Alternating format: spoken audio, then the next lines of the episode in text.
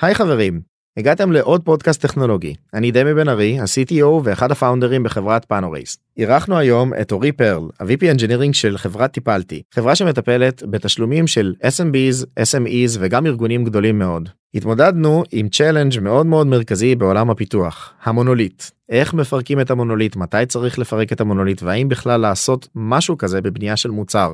סיפרנו את הסיפור של אורי ממש מהרגעים הראשונים בתור עובד ראשון בחברה או בין העובדים הראשונים בחברה עד ניהול כל הפיתוח של 200 פלוס עובדים ואיך הוא התמודד עם האתגרים ואיזה אתגרים יש לו עוד לפניו.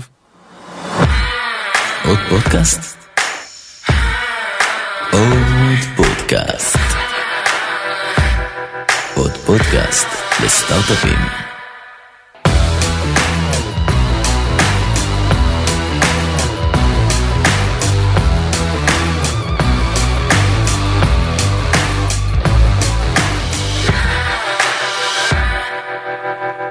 אהלן, אורי, ברוך הבא. תודה רבה, שלום. מה שלומך? מצוין, מצוין. מאיפה אתה מגיע אלינו היום? גיאוגרפית אני מגיע מראש העין, אני אה, מנהל פיתוח בטיפלתי.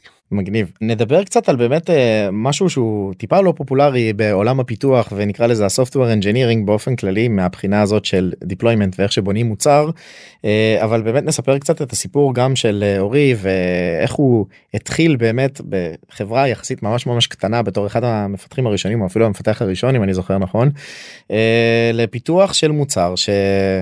מוכר משרת המון לקוחות עם uh, ארגון פיתוח מאוד מאוד גדול שאמרת שעכשיו זה 207 אנשים שזה כאילו די מטורף ונקרא לזה בנייה של uh, ארגון מאוד מאוד גדול אבל גם המוצר עצמו שתומך בזה ושהוא קצת counter intuitive למה שאנחנו לומדים בהנדסת תוכנה וזה מונוליט. אה, כן. זה הרבה שיחות שבאמת אנחנו כן רואים בקבוצות ופורומים של מנהלי פיתוח ושל CTOים וכל מיני דברים כאלה של איך לשבור את המונוליט ולעבוד עם microservices ובאמת אה, נדבר על ההשפעה של הדבר הזה מבחינת business אבל בוא, בוא תספר טיפה באמת אתה יודע על ההיסטוריה שלך מאיפה התחלת. אחלה אז uh, אני אתחיל מהצבא אולי uh, בצבא הייתי מפתח uh, התחלתי בתור עתודאי למדתי בטכניון. ואת השירות שלי התחלתי במודיעין בחטיבת המחקר. התקדמתי ראש צוות מנהל פיתוח קבע כמובן אה, והשתחררתי כמנהל פיתוח אה, ושאלתי את עצמי מה מה האתגר הבא מה בא לי לעשות. חוויתי בשירות לא מעט אתגרים עם התרבות הארגונית בצבא פוליטיקה ודברים כאלה. חיפשתי מקום קטן ולהתרחק מהדבר הזה מקום ש... אה, החוויה שלי שם תהיה שונה 180 אה, ממה שחוויתי בצבא. אה, וכך התגלגלתי לטיפלתי לא הייתי המפתח הראשון כשהצטרפתי היינו עשרה אנשים בטיפלתי. וואו בכל החברה. בכל החברה כן היום אנחנו מעל אלף. ו... וככה התחלתי דרכי חוץ מזה שרציתי להתרחק מהפוליטיקה הארגונית של הצבא התחשק לי גם קצת לחזור להיות הנזון לכתוב קוד למצות עוד יותר את הצד הזה. איך הגעת אליהם? אה, דרך אה, חברת השמה. אה וואו כן, באמת? כן, כן, דרך חברת השמה. מעניין. כן והגעתי אתה יודע כשהגעתי אה, להתראיין הגעתי לווילה קטנה אבל לא וילה מפוארת בית ישן אה, אמנם מתוחזק אבל ישן שהוציאו את הסלון שמו cubicles כאלה זמניים כולם ישבו שם המנכ"ל ה chief product כל החבורה אה, וזו הייתה טיפלתי בגדול. אה, ושם התחלתי אה, והתחלתי באמת בתור מפתח. אחרי שנה אה, הראש צוות שלי החליט שבא לו לעשות רילוקיישן בטיפלתי בזמנו היינו עשרה אנשים זה לא באמת היה רלוונטי לעשות את זה בתוך החברה. אז הוא עזב ואני נכנסתי מתי זה היה? ב-2013 2013 התחלתי שנה אחרי זה נכנסתי לתפקיד ראש צוות ב-2014 עוד לפני התקופה של הבום של ה cloud שזה היה ממש ממש בחיתולים. כן כן וזהו ואז נכנסתי לתפקיד ראש צוות. ומשם אה, גדלנו גדלנו גם החברה גם אה, אתה יודע ה business לקוחות גם כמות האנשים וגם אני באופן אישי הקריירה שלי אה, ככה התפתחתי ביחד עם החברה. זה מרגיש אני מסתכל על זה אחורה זה מרגיש כמו שיש לך למי שיש ילדים כמו שיש לך ילד ופתאום יום אחד הוא נראה לך גדול אז ככה ככה לי זה מרגיש פתאום נהיינו מפלצת. והיום בקטע טוב בקטע טוב כן אה ועוד נקודה מעניינת מתוך העשרה אנשים ש... שהיו כשהצטרפתי היה רק את הבחור שעזב והתשעה האחרים עדיין וטיפלתי כולם. וואו. כן. אז אה, אה, די מטורף. כן אז אה, זהו ואז אה, ככה גדלנו והקבוצת פיתוח גדלה והיום באמת אני מנהל את קבוצת הפיתוח זה 200 פלוס אנשים כבר. שזה לא רק בארץ. כן ויש לנו גם צוות בלונדון. כן. אפשר לדבר טיפה אחרי זה באמת על למה אבל בוא נלך כאילו באמת על ה... מה טיפלתי עושה בכלל כאילו עוד אחלה. לפני שבאמת נתחיל לצלול עכשיו ללמה מונוליט ולמה טכנולוגיה. כן אז אה, מה שטיפלתי בא לעשות בעולם אה, זה לעזור לחבר'ה במחלקות פייננס לעשות את העבודה שלהם יותר בקלות. אה, אז במחלקות האלה יושבים חבר'ה רואי חשבון מנהלי חשבונות חבר'ה שהשקיעו עבודה בלימודים אנשים חכמים וביום יום שלהם אה, הם לא הם לא משתמשים בזה כן הם עושים הרבה קופי פייסט בין מערכות כל מיני דברים שהם לא אה, מנצלים את הכישורים שלהם. לרדוף אחרי אנשים הרבה פעמים. ומה שאנחנו באים לעשות זה באמת לתת איזשהו פתרון שנותן מענה לכל הכאבים שלהם, נותן מהמם. אוטומציה לתהליכי העבודה שלהם. ו... וכרגע המוצר מתרכז בעיקר בתהליכי מה שנקרא AP בשפה המקצועית accounts payables מהמם. זה בעצם לנהל את כל התהליך בין הרכש והספקים והתשלומים שם תהליך מאוד ארוך מאוד מורכב אה, עם המון המון חלקים שונים ומשונים אה, ואנחנו נותנים מענה לכל הדבר הזה ואיזה סגנון ארגונים זה אני מניח שזה לא חברות של אה, עשרה אנשים. כן אז אה, חברות עם עשרה אנשים אין להם את הכאבים האלה. אה, ולקורפורטים ענקיים בדרך כלל יש כל מיני פתרונות custom ים אה, הרבה פעמים in-house. אז אנחנו פונים בדיוק למה שנקרא mid market לאמצע חברות. אה, בחברות בין 100 לאלף פלוס עובדים. מגניב.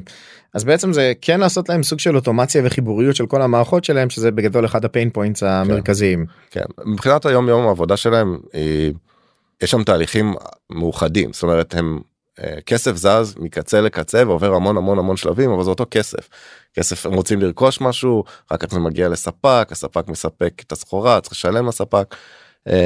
אה, והם רוצים לחוות את זה כ- כמוצר אחד כחוויה אחת הם לא רוצים לבוא ולהשתמש במערכת. הזאת בשביל זה במערכת הזאת בשביל זה זה הרבה כאבים אנחנו בעצם נותנים להם את הפתרון ההוליסטי הזה. זה כאילו תכלס זה הרבה מאוד כסף שגם זורם בכל הסיפור הזה זה כאילו אנחנו אה, טוב בסדר קבלה פה קבלה שם לא זה כאילו כל כן, האלמנט כן. הפיננסי של של ארגון כן אה, מחזורים של מיליונים שיכול להיות ואתה יודע עשרות מאות מיליונים גם. כן עבודה עם מאות אה, מאות או אלפי ספקים לפעמים. מהמם. כן אני אני מכיר את ה pain point הזה מהאלמנט של פאנורייס ב security של כאילו עבודה עם הספקים האלה שבסוף החשש המרכזית בעצם של חברות זה אוקיי אנחנו מעבירים להם כל כך הרבה כסף אנחנו מקבלים איזשהו שירות השירות שלי יכול להיות למטה כל הדברים האלה זה מאוד מעניין. רגע אוקיי סבבה אז אתה התחלתם את החברה אתה יודע מהתחלה התחלה גם אמרת עשרה אנשים לא מכירים אתכם יותר מדי זה גם איפשהו 2013. איך אה, איך עושים deployment כאילו למוצר כזה בכלל כאילו אתה יודע איזה פיסות טכנולוגיה אתה מחבר היה לך ניסיון בזה בצבא לא נראה לי אה, אז אה, עסקת במודיעין בדברים שהם כאילו קצת כן. תלושים מכסף. נכון אה, אחד הסיבות דרך אגב שיצאתי מהצבא זה גם לראות איך עושים את הדברים בעולם האזרחי אז מהמם. אה, זה באמת אה, משהו ש- שאלה שגם אני שאלתי את עצמי איך עושים את זה בעולם האזרחי אה, ונכנסתי לעולם כזה שיש לנו באמת אה, תוכנה אה, מונוליטית. באיזה טכנולוגיה כאילו התחלתם את כל הדבר אז הזה? אה, עבדנו ב-.NET Framework זה משהו שהיה לך ניסיון אני מניח. כן עבדנו גם בצבא ב-.NET Framework כתבנו סי שרפ זה היה פופולרי לא היה הרבה אלטרנטיבות אה, היה Java Ruby היה בחיתולים אני חושב. זהו אז אה, כתבנו מונוליט deployment אחד לוקח את כל ה... זה און פרם אצלכם? לא אה, ב-cloud היינו from day one ב-AWS ב-AWS? כן. שרת Windows ב-AWS? כן, EC2 מהמם. אה, ואתה לוקח את כל המונוליט הזה ושם אותו ב- על השרת ומריץ. צוות של עשרה אנשים יש לכם צוות פיתוח בסדר זה אפילו לא מחלקה אני לא יכול לקרות לזה כולם כזה עובדים כמו סיירת והכל אז זה נחמד כאילו אוקיי יאללה בוא נעשה deployment אני מניח שאפילו ה-deployment היה copy paste יכול להיות כאילו בשלבים הראשונים ולא היה איזשהו pipeline כאילו שעכשיו כולם מדברים על הדברים המגניבים של CI/CD pipeline וכל זה כן. אתה יודע, תהליכי האוטומציה ב-AWS היו גם מינימליים לחלוטין ב-2013 כן. אה, אבל אה, הנה עשינו אבולוציה אתה יודע פתאום הצוות גדל אתה יודע ל-30 40 אנשים אתה מנהל כבר יותר אולי נכון אתה מנהל כבר כמה צוותים שצריכים לעשות אינטגרציה איך כולם עובדים על מקשה אחת.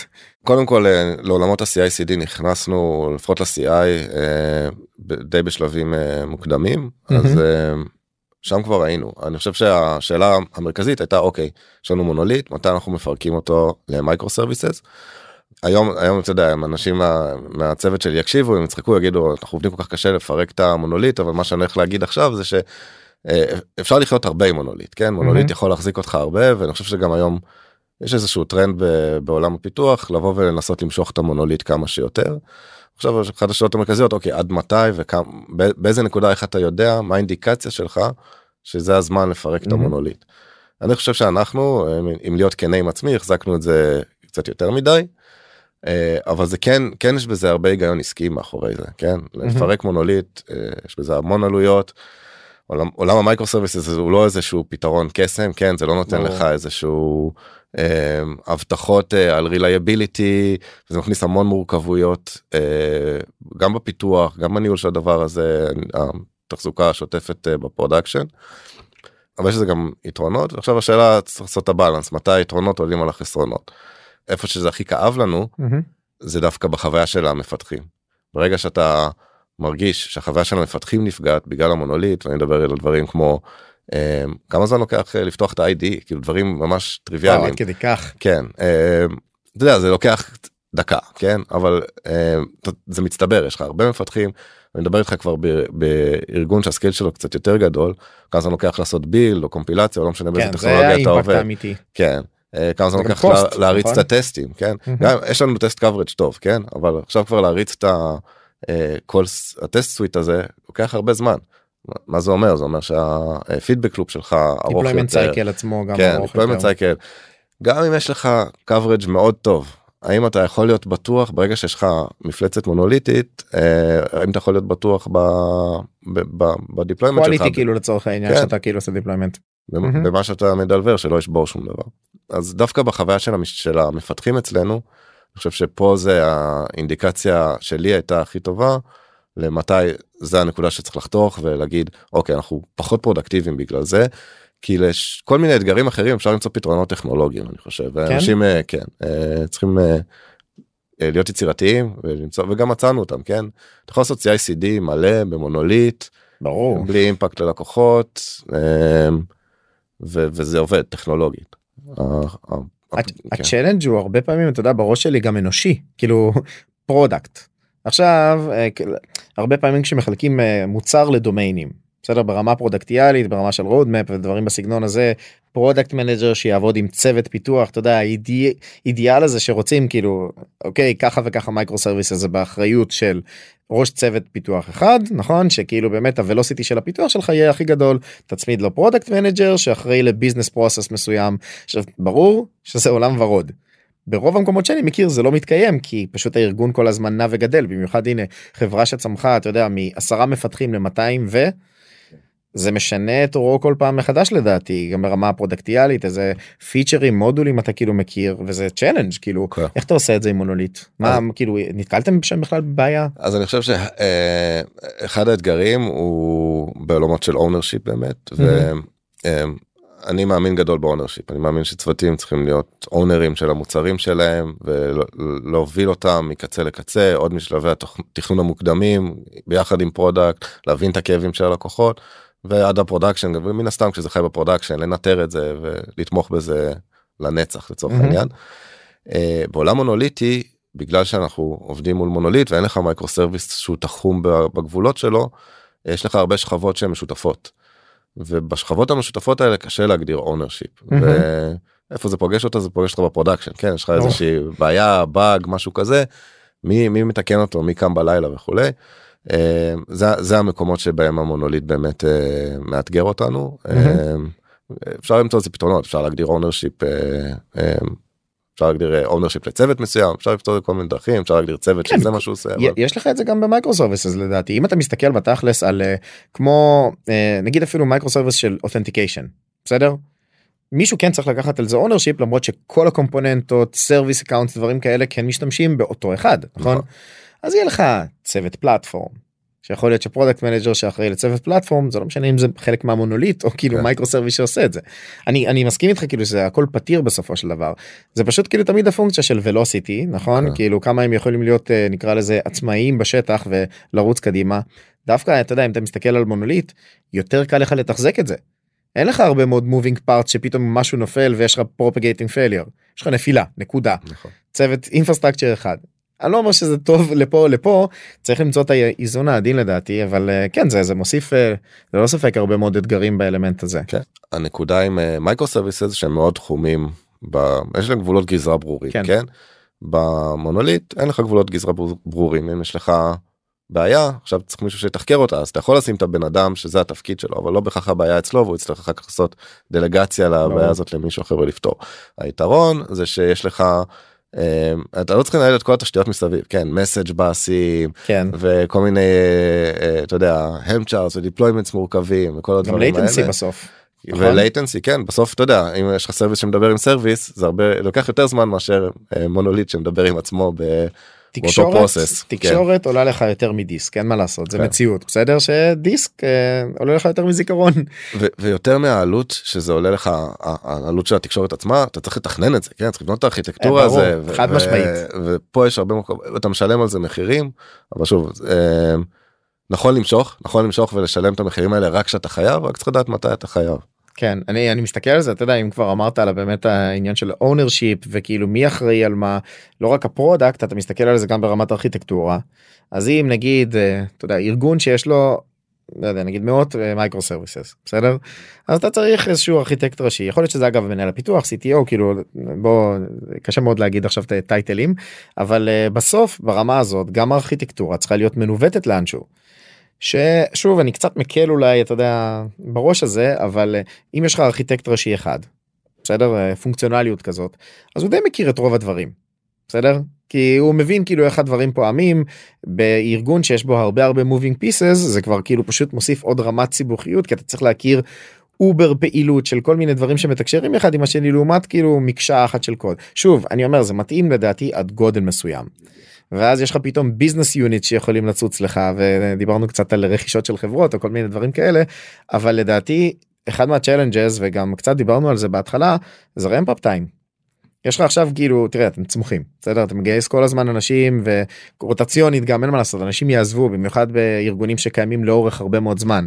אז עכשיו איך אתה כאילו עושה onboarding למפתח נכון? אם יש לך דומיין יותר קטן אפילו stack stack מסוים שהוא אה, ספציפי לדומיין הזה זה קצת יותר קל נכון? לעומת באמת מונוליט שיכול להיות שטוב תקשיב כדי לעשות את deployment ל production נקרא לזה הצ'קין הראשון ל production שיש אה, מדד כזה בסופו של דבר בכל מה שקשור למתודולוגיות פיתוח אז הרבה יותר זמן או שלא לא יודע כן לא זה חלק מה לגמרי זה חלק מהחוויית אה, מפתח שדיברתי עליה. גם מפתח חדש שנכנס צריך לחוות את המונוליט הזה ולהבין אותו כן? בסוף לבוא ולשנות פיסת קוד לשנות business flow אתה צריך להבין את ה business flow הזה ובעולמות כאלה מונוליטיים אז ה... ה- היכולת שלך להבין מה impact מה ה side effect של השינוי שלך זה קצת יותר מורכב. מהמם. ב service אתה תחום פחות או. יותר ל service כן? כן. אם יש לך contract testing דברים כאלה אתה עוד יותר מוגן כן. אז מגניב. אה, כן לגמרי. Uh, טוב כן אז כאילו תראה זה מוביל אותי פשוט לאיזושהי נקודה שאתה גם סוג של מגדיר אותה בתור passion כל העניין של המדידה ומטריקות באופן כללי של פיתוח של ארגון פיתוח כן. אז uh, אני מניח שגם יצא לך לממש כל מיני uh, כן. נקרא לזה practices סביב הדבר הזה ב- לאורך הגדילה מה היה לכם את זה ב-day one אז לא ש passion שגידלת כאילו תוך כדי אז אה, קודם כל אה, אני אני אתחיל ואגיד שזה עולם עם המון דעות ויש המון אה, מחלוקת אני חושב לגבי מה מה הדבר הנכון לעשות יש הרבה אנשים שמודדים יש הרבה אנשים שנגד כל סוג של מדידה שהיא. ואני מבין דרך אגב את שני הצדדים יש אין אין. אין, לא הגענו ל holy grail ב engineering management לאיך מודדים או האם בכלל צריך למדוד אתה חושב שיש holy grail? כנראה שלא. לא. כנראה שלא אבל אני חושב שיש אה, best practices ויש דברים שנכון להסתכל עליהם ויש דברים שלא נכון להסתכל עליהם. אם מדברים על אה, פרודקטיביות של המפתח הבודד אני ממש חושב שזה משהו שאי אפשר למדוד. הגישה שלי זה שהראש צוות המנהל של אותו בן אדם מכיר את הבן אדם הזה הכי טוב רואה אם הבן אדם הזה פרודקטיבי מה ההזדמנויות של אותו בן אדם להשתפר בהן. וזה הבן אדם הנכון לבוא ולמדוד את הפרודקטיביות. אה, אבל כשאתה מתחיל לדבר כבר על ארגונים יותר גדולים על אה, לצורך העניין 200 פלוס אנשים כבר יש טרנדים כן אתה יכול כבר יש לך כל מיני סיגנלים אני מדבר על דברים שאתה ממש יכול למדוד שכן יכולים לתת אינדיקציה לפרודקטיביות. אה, גם פה צריך להיזהר עם זה. אתן לך דוגמה אם אנחנו עובדים ב user stories זה מהמם. היחידת מידע שאנחנו מדלוורים ואנחנו יודעים שאותו כל user story אצלנו הוא פחות או יותר באותו גודל אנחנו יודעים לנרמל. את זה. אה, אז אתה יכול למדוד אה, את ה-velocity של, ה- נכון. של כל הפיתוח. עכשיו- השאלה אוקיי אתם מדדת את מקטלגים ה-velocity אגב user story בזמן מקטלגים איזה בחינה. כאילו איך אתה עושה לו. scoping כאילו אמרת שהם כמעט כולם די זהים. כן. אז קודם כל זה guideline מהמם. אה, לא לעשות user stories אה, יותר מגודל מסוים אני חושב שבאופן כללי זה אה, good- practice לא לעשות user stories מאוד גדולים. מהמם. אה, וגם אנחנו נותנים איזשהו cost estimate יש, יש כל מיני כלים אה, כדי לוודא שזה קורה. אה, אני אגיד לך ש100% זה עובד לא אבל שוב אני מדבר כבר על כן. מספרים גדולים שזה פה גם הסטטיסטיקות מתחילות אה, לקבל משמעות אה, אז זה כן קורה. ואז אתה יכול להסתכל על ולוסיטי ואתה יכול להגיד אוקיי לאורך זמן הוולוסיטי עולה יורד ואתה יכול מהמם. לראות טרנדים ואתה רואה גם שזה קונסיסטנטי כאילו זה לא ש... אתה רואה שזה עובד. בסוף אתה, אתה מוצא את ההגיונות מאחורי המספרים שאתה רואה. אתה רואה שבחגים ולוסיטי יורד כן. אה, אבל זה מה שחשוב להבין שזה גם לא התמונה המלאה. כי זה מספר. בסוף זה לא אומר לך הרבה מעבר לאוקיי הוולוסיטי שלך כזה הוא כזה. עכשיו השאלה היא למה ומה אתה צריך לעשות כדי להשתפר והאם האם יש לנו בכלל בעיה או שאין בעיה שזה הדבר הנכון. ולזה אתה צריך להכניס עוד כל מיני מדדים שהם קצת יותר רכים. אז uh, כמו למשל uh, uh, uh, אנחנו קוראים לזה flow או יש איזשהו framework כזה שנקרא space זה מדבר על איך מודדים uh, מפתחים ממליץ לאנשים לחפש בגוגל. אחד הדברים שמנסים למדוד שם זה flow זה בעצם אומר כמה אנשים תקועים בעבודה שלהם כמה הם נתקעים ב- מהמם. הם ביום יום שהם צריכים יש להם משימה לדלבר האם יכולים לדלבר אותה מקצה לקצה בלי הפרעות או שהם צריכים עכשיו לשאול שאלה הם צריכים הסביבה שלהם לא עובדת approval ממישהו או משהו. approval. מימוש כן אז אתה רוצה למדוד את הפלואו הזה אתה רוצה למדוד ש... לראות שאנשים שלך יכולים אה, לזוז כמה שיותר מהר. וזה משהו שקשה למדוד מהמם. בצורה כמותית. יש כל מיני דרכים אחרות למדוד את זה סקרים וכולי אבל זה עוד עוד נתון שאתה רוצה להסתכל עליו. אה, ויש עוד קבוצה כזאת אה, של נתונים שאתה מסתכל עליהם וזה נותן לך כן איזושהי תמונה רחבה יותר ואתה לא לא נתלה רק בוולוסיטי שקיבלת את המספר את ה-X user stories כן. כאילו. זה לא זה חשוב אבל זה לא התמונה המלאה התמונה המלאה תתקבל תמיד מכמה גורמים בבת אחת. וזה שיח שאתה מנהל כרגע עם איזה דרג זאת אומרת אתה מנהל את זה עם מנהלי המחלקות שלך כאילו הגרופ לידרס מנהל את זה עם ראשי צוותים. כל מפתח יודע את המטריקה הזאת וחברה אני תקוע בפלואו שלי או משהו כן. בסגנון. אז uh, היום זה משוקף לכולם כל, כל אחד בארגון יכול להיכנס לזה uh, את השיח אני עושה בעיקר עם הקבוצת לידרשיפ של, שלנו מהמם. uh, וגם uh, למעלה עם המנהלים uh, קבוצת האקזקיוטיבס. Uh, אז כן אנחנו עושים על זה שיח מנסים להבין את הסיבות uh, מנסים לעזור בעיקר uh, לצווארי בקבוק ולראות איך אנחנו יכולים באמת למצות את כל הפוטנציאל uh, שגלום בצוות. תראה אה, אמרת לי גם שקראת כאילו כל מיני ספרים ספציפיים משהו שאתה יכול להמליץ באמת שנותן איזה שהם guidelines למטריקות האלה כי מצאתם משהו אחד שמתאים לטיפלתי. ל- לאורי כן זה כאילו אפילו יכול להיות ספציפית לשיטת הניהול ולצורת תקשורת. אז המאמר הזה או ה framework הזה שנקרא SPACE שהזכרתי הוא מבוסס על מאמר ששוב אפשר להוריד אותו ואני ממליץ לקרוא אותו את אותו מאמר אה, כתבו חבר'ה שכתבו גם ספר שהוא כבר די מפורסם נקרא Accelerate אה, שהספר הזה uh, למי שלא מכיר הם בעצם עשו איזשהו מחקר לקחו הרבה הרבה חברות וניסו למצוא practices uh, בעולמות הדב-אופס יותר מהמם. אה, ולמצוא אה, את הפרקטיסס שיובילו בסבירות גבוהה להצלחה עסקית. ומצאו ארבע מטריקות אם אתה עושה את הארבע מטריקות האלה זה לא, לא מנבא הצלחה אבל רוב החברות המצליחות עושות את הארבע מטריקות אה, אה, יש להם כאילו ביצועים כאילו, טובים בארבע כן. המטריקות האלה. המטריקות זה deployment frequency, lead time של הפיתוח, כלומר כמה זמן לוקח לי לבוא ולהביא משהו מ- מהנקודה שאני מתחיל לעבוד עליו עד שזה ב production. mean time to resolution, זאת אומרת כמה זמן לוקח לי כדי אה, לפתור בעיה. וכמה וה frequency של בעיות, זאת אומרת כמה בעיות אה, ה volume כאילו ה volume. כן. אה, כל, כל כמה זמן יש לי באג ב production. אה, אז אל מול ארבעה מטריקות האלה שוב זה מגובה מחקרית זה לא דעה שלי לא אבל אתה מאמין בזה זה גם חשוב כן זה גם הגיוני כן זה לא נכון, נכון, rocket science כן. זה נשמע זה גם הגיוני שחברות שעושות את זה טוב אה, יהיו מהירות יותר יהיו פרודקטיביות יותר כן, כן. לגמרי. אוקיי סבבה אז דיברנו באמת על העניין של ה stack הטכנולוגי ואיך שבאמת אתה רוצה כן להגיע עם נקרא לזה deployment כמה שיותר יעיל וכן לקבל את הפידבק לופ ובאמת כל הפרקטיסס שדיברנו עליהם מובילים אותנו לזה. אה, ואז יש לך כל מיני challenges אחרים גם של הגרוס של הצמיחה שדיברנו עליהם קודם כל באמת הצוות שנמצא לך עכשיו ב-UK למה.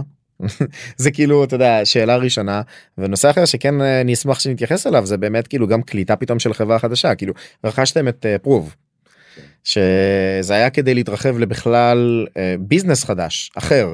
כאילו אם זה SMB SME כנראה אולי הם פונים באמת לאיזשהו סקטור אחר אבל זה גם לקלוט לעצמך בעצם עכשיו רגל חדשה של טכנולוגיה שלא הייתה קיימת. אז איך הדבר הזה מתנהל? אז כאילו נראה לי נחלק את זה ללמה UK כן. ומה קורה אחרי שאתה רוכש חברה בכלל אז אה, זה גם מעניין איך אתה מה אתה עושה עם המונוליט הזה. אוקיי. אז השאלה בכלל אה, לפני נראה לי למה UK למה בכלל לפתוח עוד site יש לנו את ה site בישראל כן. אחלה site אה, אז בנינו את טיפלתי אה, למה אנחנו צריכים עוד site אז אני חושב שהרבה מנהלי פיתוח הזדהו ב- באתגר אל מול האתגר של לגייס כן צריכים לגייס הרבה אנשים אה, וזה לא פשוט ב- בישראל ורצינו לפתוח עוד channel של גיוס שיהיה לנו עוד מקום שבו אנחנו יכולים לגייס. אנשים ולפתח אה, עוד חלקים של המוצר. עכשיו השאלה למה UK אז אה, כשנכנסנו לתהליך הזה וניסינו להבין איפה אנחנו רוצים לפתוח את ה site החדש אמרנו בוא נעשה בוא נעצור רגע בוא נעשה את זה מסודר לא נלך כזה עיוורים לח- לאחד מהמקומות הפופולריים שכולם הולכים נגדיר מה אנחנו מחפשים אה, מה הקריטריונים שלנו לבחור את ה site ונעשה את זה נ- ניקח איזה חברה שתעזור לנו תעשה לנו איזשהו מהמם. מחקר.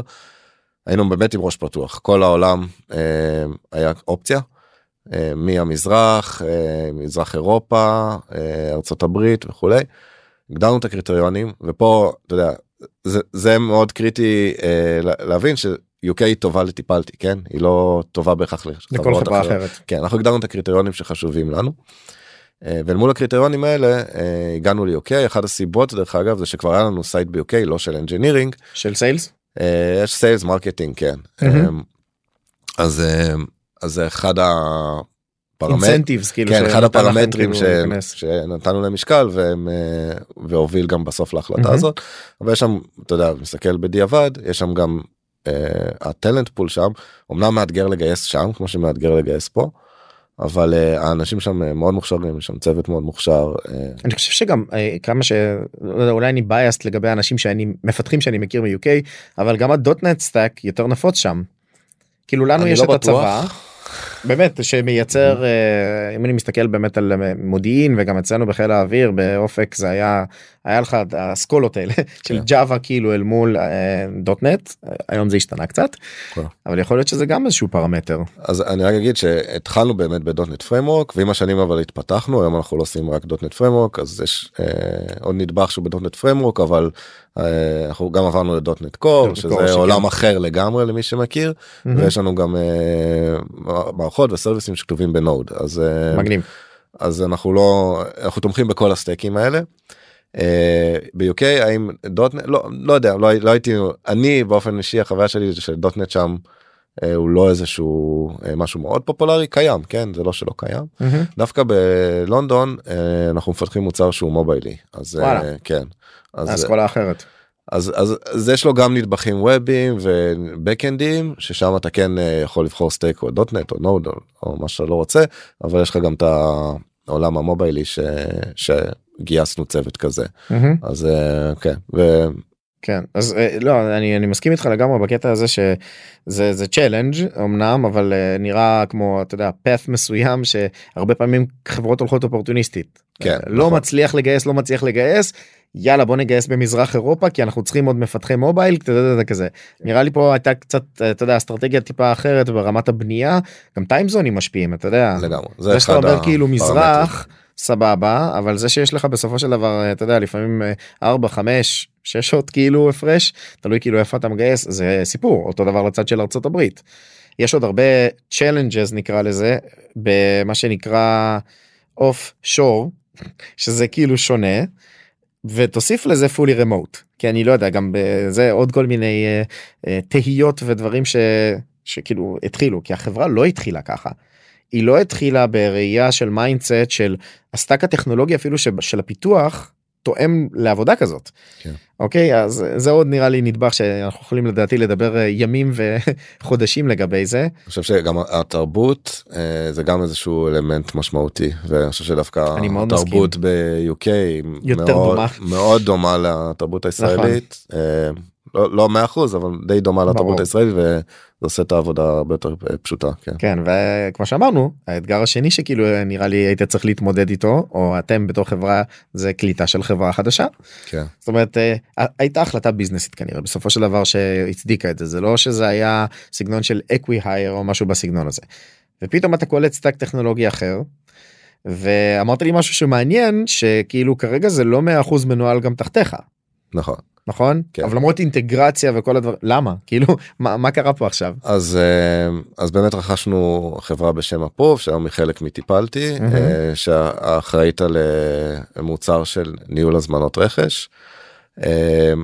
ו- וכן זה מביא אתגרים רוב ה... אם מסתכלים סטטיסטית לחלוטין רוב ה-acquisitions נכשלים ב- בוודאות כן. כן. אה, ונכנסנו לזה מאוד אה, במודע ו- וניסינו מאוד אה, לגדר סיכונים.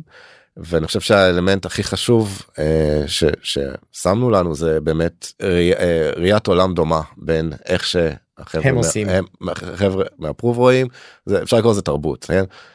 איך החבר'ה מ Approve רואים את העולם מול איך שאנחנו רואים את העולם ואני חושב שהסיבה להצלחה זה שיש alignment די מהמם. אה, מושלם פה. שכאילו בר ושלומי זה שני הפאונדרים שהם כן. כרגע business unit בכלל נפרד. שמתייחס כאילו לנתח כן. שוק אחר אחד כאילו לצורך העניין מנהל את ה business השני מנהל את הטכנולוגיה ואני מניח שאתם כאילו מדברים בצורה די כאילו צמודה בתוך ארגון אחד מאשר שיתוף פעולה בין שתי חברות שיכול להיות קצת יותר שבור. לגמרי זה אז שיתוף פעולה הוא מאוד מאוד הדוק אה, מן הסתם גם כי אה, גם ברמת השטח כן יש אינטגרציה בין המוצרים הצוותים עובדים ביחד אה, וגם ברמת המנהלים היום אה, הם אמנם business unit נפרד אבל הם, הם המון מחלק מהתהליכים שמתנהלים אצלי בפונקציה כחברה ב engineering. כן. טיפלתי כן אז אה, לצורך העניין אם יש offsite של engineering מן הסתם הם יהיו חלק. שם כן. בטח. אז כן אז אז אה, זה מביא הרבה אתגרים מביא אתגרים טכנולוגיים אתה יודע אתה צריך לקלוט stack אחר לגמרי שיושב כאילו ב cloud בחשבון אחר אחר כאילו יכול כן. להיות כן אה, security בכלל כאילו בעיות. כן ואיך אתה איך אתה מתמודד עם זה אני חושב שאחד הדברים היפים שעשינו זה שעוד ב- בימים הראשונים של ה acquisition ברגע שהוכרזנו הצלחנו כבר לי- לייצר מוצר שעובד ביחד. וביחד כן. ב- לא בדרך הכי הכי אלגנטית נקרא לזה אבל זה עבד והיה אפשר למכור את זה כי אתה כבר מראה סיפור הצלחה בתוך הארגון כן. למה זה עובד. כן ומהר מאוד הצלחנו באמת לייצר אינטגרציה והיום מבחינת החוויית משתמש הוא חווה מוצר אחד למרות שמאחורי הקלעים יש אה, את הסטייקים השונים שאנחנו עוד עובדים כדי לעשות את האינטגרציה ביניהם. מהמם. זה אה, גם כן. צ'לנג'ס גיוסיים טיפה שונים כן. נכון כי כאילו זה זה ארגון אחר טיפה. זה טיפה זה עדיין בסופו של דבר כן. כאילו מנסים כן להטמיע אני מניח את הקלצ'ר של ארגון אחד אה, אבל זה כאילו כאב ראש של שלומי לא כאב ראש שלי. אה, קודם כל אה, זה לא אה, באמת, אבל נכון כאילו. כן הכאבי ראש של שלומי הוא הכאבי ראש שלי אבל כן אבל שלומי עושה עבודה טובה. לא, לא, ברור ברור אני אומר זה פשוט כאילו ביזור נקרא לזה האחריות והפוקוס של כל אחד כי זה מאוד קשה אם היית עכשיו צריך לבוא כאילו מה שקורה בהרבה פעמים ב acquisitions אה סבבה כתבתם את זה עכשיו ב Node ו React חברה אנחנו משכתבים. ה effort ה engineering רק של להשקיע בשכתוב והאחוז כישלון שיכול להיות לזה הוא פסיכי. אז אז אני חושב שאחד הדברים שהיום אה, אני חושב עליהם הרבה איזשהו אתגר שניצב בפנינו זה על מה אנחנו עושים alignment. כאילו אני יש לנו יש לנו עכשיו ארגון גדול הוא מבוזר מפוזר על business unit זה כבר לא ה business unit היחידי דרך אגב. ואוקיי האם אנחנו צריכים alignment בדברים מסוימים ובאיזה דברים אנחנו לא צריכים alignment האם אנחנו צריכים שכולם יהיו ב-AWS. האם אנחנו צריכים שכולם יעבדו עם אה, לא יודע Jira או, או Monday או לא משנה.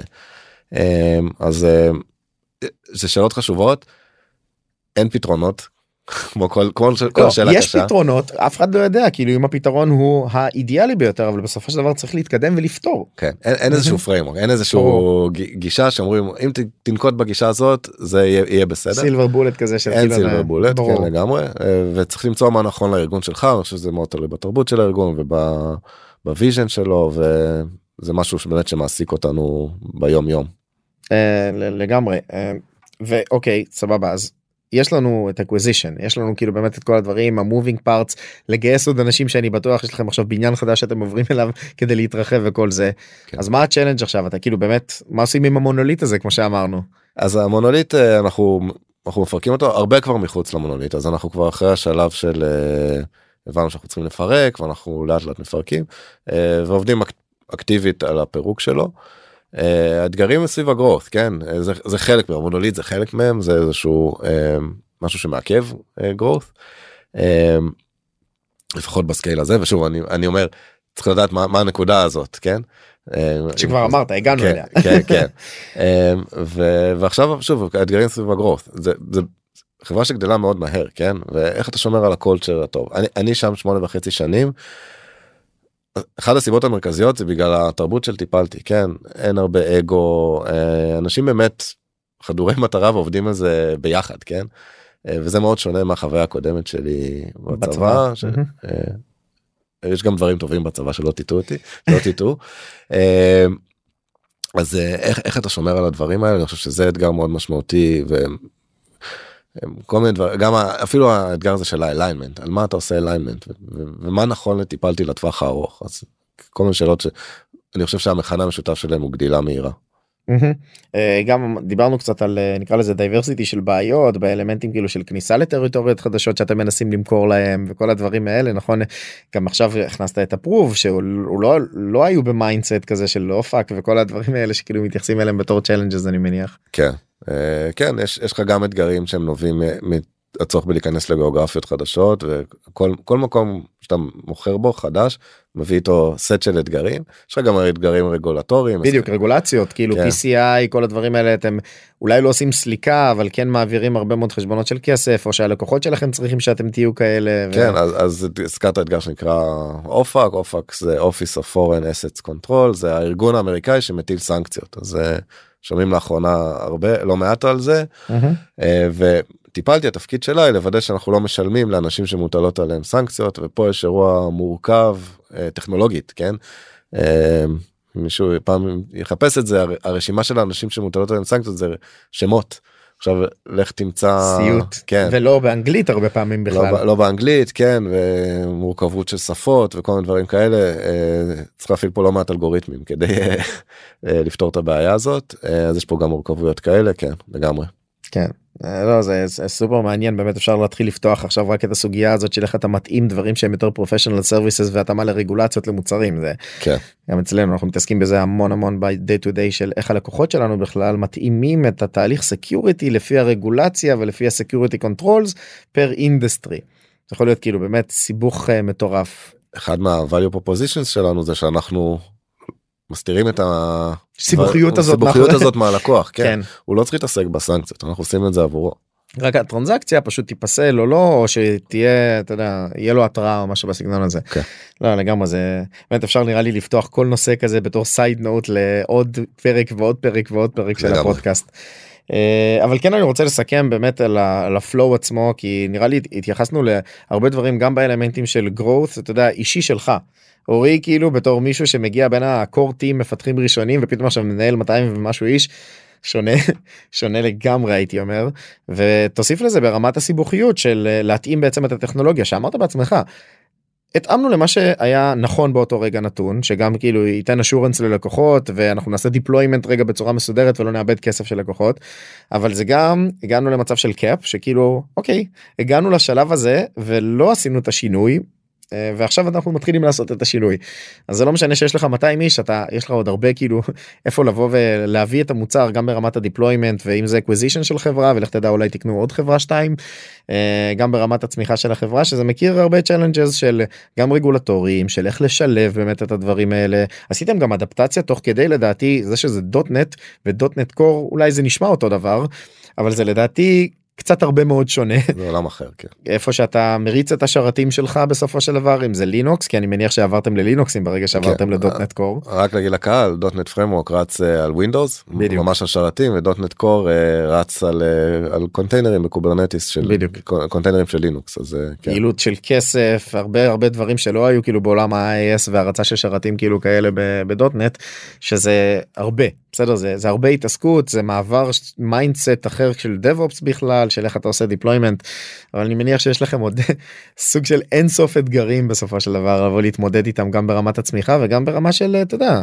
איך אתה עושה פסיליטציה ליותר לקוחות ויותר territories. כן. אני חושב שהתפקיד שלנו בתור טכנולוגים זה לא להסיר את העיניים מהביזנס. כן. שזה משהו שהרבה אנשים קשה להם איתו בצורה זה משהו טבעי כן אבל בסוף ה north star שלנו זה הביזנס. להניע את הביזנס נו ברור כן. חד משמעית אני מסכים איתך מאוד. טוב אה, אורי ממש ממש תודה רבה זה היה די מרתק לשמוע את המסלול התפתחות האישי שכאילו כן עושה קורלציה בסופו של דבר ל-piece of technology שצריך להצמיח איתו חברה וביזנס ואני מניח שגם אם מישהו רוצה לפנות אליך אחרי זה בכיף הוא יכול לבוא ולהתייעץ לגבי כל הדברים האלה והמנטרה האישית שלך של ה... למדוד בעצם את הפיתוח והפשן וכל הדברים האלה נראה לי אתה יכול לעזור להרבה מאוד אנשים וממש תודה רבה שבאת. היה, היה כיף. גם לי גם לי תודה רבה. תודה רבה רבה. סיימנו עוד פרק של עוד פודקאסט טכנולוגי. אני אשמח אם תוכלו לפנות אליי, לדבר איתי ולתת פידבק על הפרק וגם איזה עוד נושאים מעניינים אתכם אתם יכולים לפנות אליי גם בלינקדאין, גם בפייסבוק, גם באינסטגרם, בכל מדיה שתרצו. אם יש לכם משהו שמעניין אתכם, אנחנו כאן בשבילכם.